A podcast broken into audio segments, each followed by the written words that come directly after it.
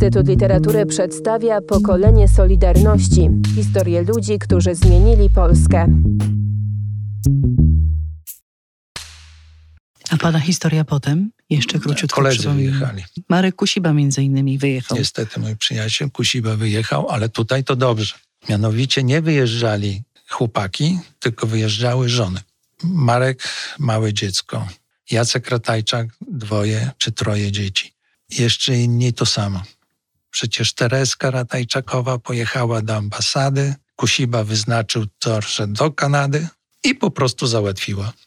No i wyjechali. Y, Kobiety się bały, bo no po prostu nie było pieniędzy. No, no za co żyć? Jedno i drugie nie pracuje, do widzenia. No. A dzieci trzeba nakarmić. Jeszcze przed stanem wojennym zrobiłem wchodziny. Przyszli koledzy z redakcji, no i zrobiliśmy plebiscyt. Jak się ta przygoda zakończy? No i tam oczywiście im, który mądrzejszy, tym większe takie wywody były, jak to się rozwinie. A my z Kusipą proste chłopcy mówiliśmy, czołgi wjadą. No to był wrzesień chyba 81. Mówię, czołgi wjadą będzie koniec. No i tak to było. Straciliśmy mnóstwo wartościowych ludzi, którzy niestety wyjechali. Oczywiście wszystkie te fale emigracyjne się żarły ze sobą. Każda fala była najlepsza. Znowu anegdota. W Kanadzie jest tak, że każda mniejszość narodowa może mieć swoje radio i może mieć swoją katedrę na uniwersytecie, na przykład języka albo historii. Warunek, że wpłaca pewną kwotę. Ukraińcy natychmiast załatwili pieniądz, no bo to są bogaci farmerzy, pieniądz na katedrę chyba historii Ukrainy i języka ukraińskiego. I potem państwo już utrzymuje. Polacy, nie wiem czy do dzisiaj to zorganizowali. Taka jest różnica. Pana historia dziennikarska jest po tym e, smutnym epizodzie ciągiem dalszym. Wylądowałem tak, że jak była decyzja o wyborach po okrągłym stole, to to chyba był marzec 89. No i wtedy Marczuk zwołał posiedzenie aktywistów e, Solidarności, żeby się przygotować do wyborów. No i Irek się okazało, że chyba był związany trochę z Kościołem. Irek Choroszucha, on potem był senatorem. No to Irek e, mówi, słuchaj, e, no trzeba te wybory zorganizować, a ty bez pracy siedzisz, to może byś to wziął. No i my poszliśmy, ja, Staszek Pogorzelski, Janek Fasowski, Irek z dziennikarzy, to poszliśmy do Klosina na to pierwsze zebranie. No i na tym zebraniu powołaliśmy taki komitet, duży, komitet obywatelski ziemi białostockiej do spraw wyboru. I wtedy trzeba było to zorganizować, te wybory. Wybory były 4 czerwca, a my byliśmy w połowie marca. Potem było jeszcze jedno spotkanie, na którym już trzeba było wreszcie zdecydować, kto będzie kandydatem. No i był oczywiście niesamowity człowiek Jan Beszta-Borowski. No Stelmachowski był poza dyskusją. Krzysiek Putra, jaka młodość, siła robotnicza. Było dosyć zacnie. No ale były różne pomysły w Warszawie również, którzy chcieli tak zwanych swoich jakby ludzi. I wymyślili, że tu środowisko prawosławne, no to trzeba dać tutaj prawosławnego i wymyślili Klinger. Był znakomity teolog Klinger, napisał bardzo dobrą książkę Prawosławie, ale aktywny politycznie był jego brat Michał. No i zaproponowano nam, ale oczywiście natychmiast przepadł. Zgłoszono kandydaturę jeszcze jedną, no i wiadomo było, że to kosztem Beszty będzie. Więc Beszta wstał i powiedział, jak tak, to ja sobie sam zorganizuję. I muszę powiedzieć, że ten Beszta, on po prostu oprzedł te wszystkie zaścianki szlacheckie, on oprzedł po prostu i spokojnie wygrał. No, trudno się go prowadziło, bo gadał co chciał. Czasami było to tak po krawędzi, że tak powiem. Trzeba było się zabrać za wybory. Ja dopiero później sobie uzmysłowiłem, że my tak prawdę mówiąc w ciągu dwóch miesięcy wszystko zrobiliśmy. No papier to skręciłem po prostu, no bo jak partia oszukiwała przy okrągłym stole. Dali ileś ton papieru, ale nie wpisali jakiego. I raptem Solidarność dostała papier A4. Papier niedrukowy, a my mieliśmy ambicje wydawania gazety jakiejś wyborczej i tak dalej. No to podmieniłem papier i już. Ja robiłam audycję, zresztą zatytułowaną Przełom z Panem. Miejsce Polski na międzynarodowej liście bezpieczeństwa i celowości inwestowania ostatnie, 35. Cena butelki dla niemowlaka, dostępna tylko w Peweksie, 3,5 dolara. Cena butelki wódki tamże, dolar. W czerwcowych gazetach 1989 roku można znaleźć praktyczne przepisy na gulasz bez mięsa, biszkopt bez jajek i konfitury bez cukru. W dziełach z motą porady jak zrobić kołdrę ze starych koców i narzut. Panie noszą nie tylko trwałą ondulację. Były wtedy tureckie sweterki, pamiętam, męskie też sprzedawane na, na rynku.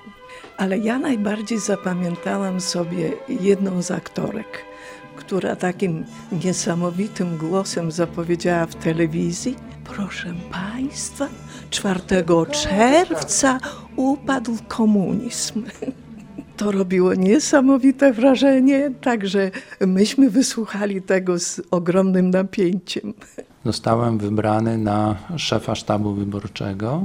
No i w zasadzie zostały nam dwa miesiące do wyborów. Praktycznie startowaliśmy nie mając nic. Dwa pokoje przy Nowotki, czyli tam, gdzie dzisiaj Urząd Skarbowy, było goło. Tak jak ja to pamiętam, rozpoczęła się jakaś taka przedziwna pielgrzymka. Drzwi się nie zamykały. Każdy przychodził i pytał, co może zrobić. Cały ten cud polegał na masowym wolontariacie. To były tysiące ludzi, którzy się zaangażowali w organizację wyborów. Proszę sobie wyobrazić kolejne cuda, jakie się zdarzały, bo to były po prostu cuda. Romek Wil zorganizował 3000 osób, przeszkolił je i skierował do komisji wyborczych. Wszystkie komisje wyborcze były obsadzone. W czasach, kiedy nie było telefonów komórkowych, faksów i, i tym podobnych rzeczy. 3000 ludzi. Sprzedaliśmy tysiące cegiełek wyborczych. Proszę sobie wyobrazić, że nie zginęła ani jedna cegiełka. 500 złotych. Przyznam szczerze, że nie pamiętam, trzeba by w dolarach, to wtedy może. Ja, ja wtedy zarabiałem 22 dolary miesięcznie. Faktem jest, że po sprzedaży cegiełek wyborczych, biuro wyborcze, zaznaczam wyraźnie, biuro, bo były dwie struktury, Komitet Obywatelski Ziemi Białostockiej Solidarność, to, to był jakby organ polityczny tych wyborów i on nadzorował całość i dawał logo. Natomiast konkretnie do roboty to było biuro wyborcze i myśmy się zajmowali. Tak naprawdę ze wszystkich struktur opozycyjnych to my mieliśmy pieniądze.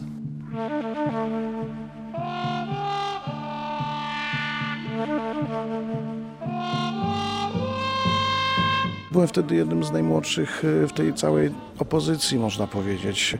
Bernard Banaszuk. Pracowaliśmy i z Solidarnością Walczącą, i z KPN-em, i z Solidarnością.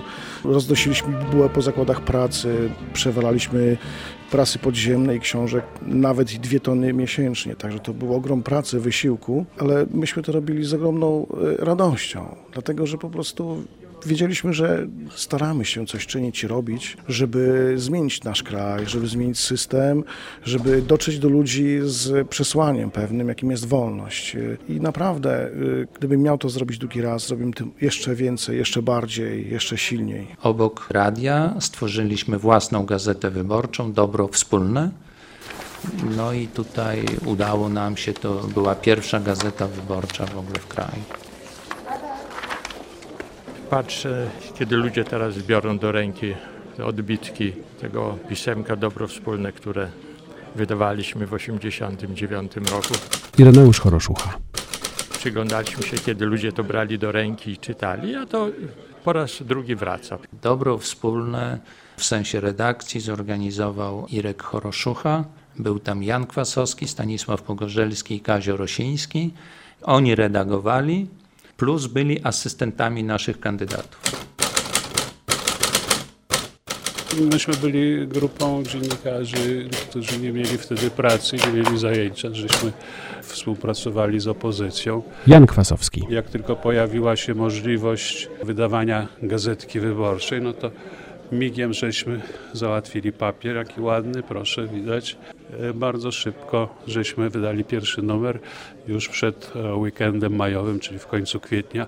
Także byliśmy szybsi niż Gazeta Wyborcza, która ukazała się 8 maja. Gazeta, tak, była pierwszą gazetą Solidarności kraju. Nam przede wszystkim chodziło o to, żeby dotrzeć do jak najszerszej grupy osób z wiadomościami, kto kandyduje e, z Komitetu Obywatelskiego Solidarność Ziemi Białostockiej. Przecież nie było żadnych innych możliwości. Wszystkie gazety, radia, e, telewizje były w rękach koncernu koncernów PZPR. W związku z tym opozycja nie miała takich możliwości dotarcia. Myśmy tę gazetę traktowali trochę jak ulotki wyborcze.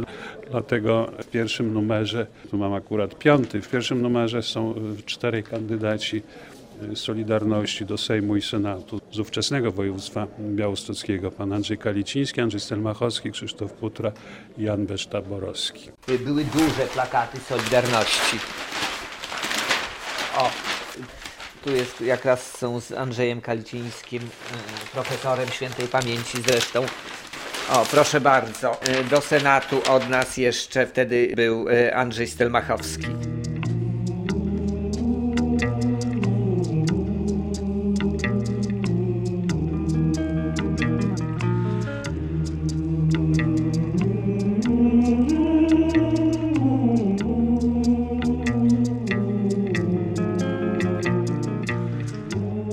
4 czerwca to ja byłem Stanisław Prupis.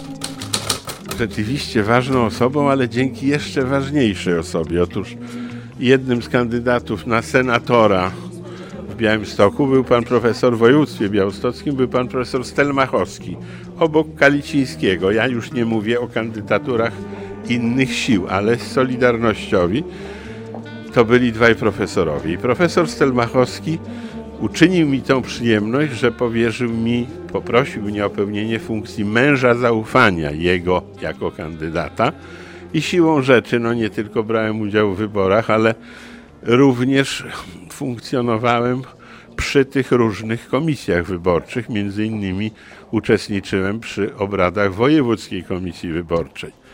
I stąd te wybory znam z dwóch stron i to było rzeczywiście bardzo interesujące.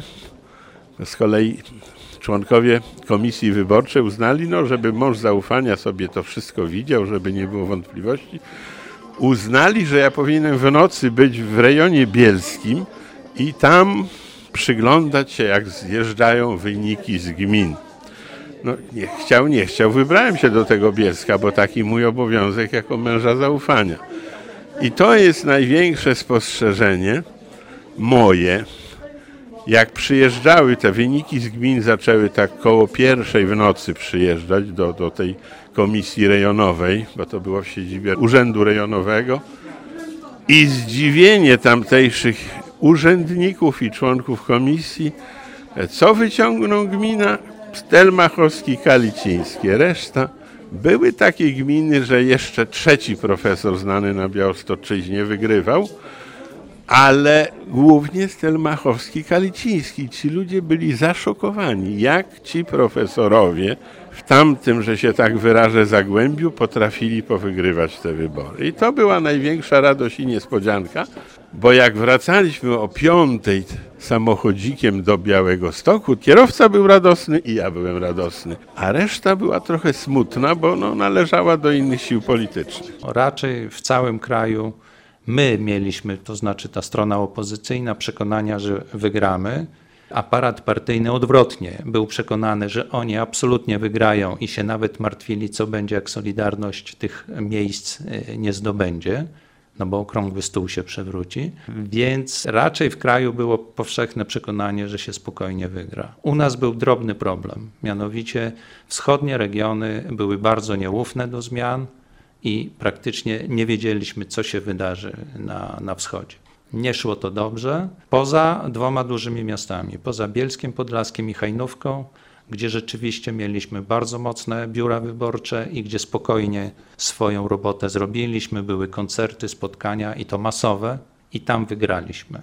Natomiast w gminie Czyże mieliśmy parę głosów. Poza tym wcale frekwencja nie była taka wysoka 60 jakieś parę procent, więc to też świadczy trochę o nastrojach. Była ogromna mobilizacja rzeczywiście po stronie społecznej, tylko zapominamy o bardzo licznej grupie społecznej, która żyła z tamtego systemu. To była ogromna rzesza i stąd, i stąd zresztą ten wynik właśnie 60% y, frekwencji, bo wielu partyjnych po prostu nie poszło głosować.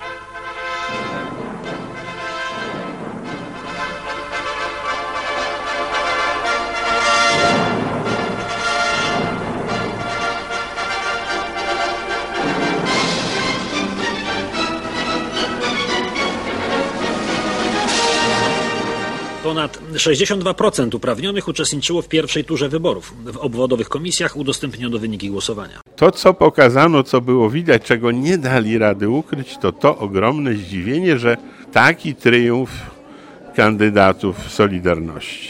I to było bardzo miłe. Ten okres takiego zachwytu, że my tu razem y, obalamy komunę, szybko minął i tam gdzieś tak po cichu to widać były na przykład ta nierealistyczna zupełnie koncepcja Michnika, że Front Jedności Narodu tylko, że w innej formie się odtworzy, czyli zachowa się jedność.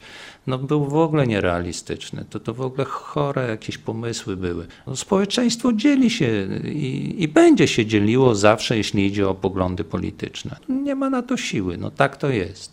Chodzi tylko o to, żeby te przeglądy nie niszczyły państwa. Przecież można się różnić, ale i można współpracować dla dobra wspólnego, właśnie podkreślam, dobro wspólne. Pokolenie Solidarności. Cykl podcastów przygotowanych przez Instytut Literatury w Krakowie.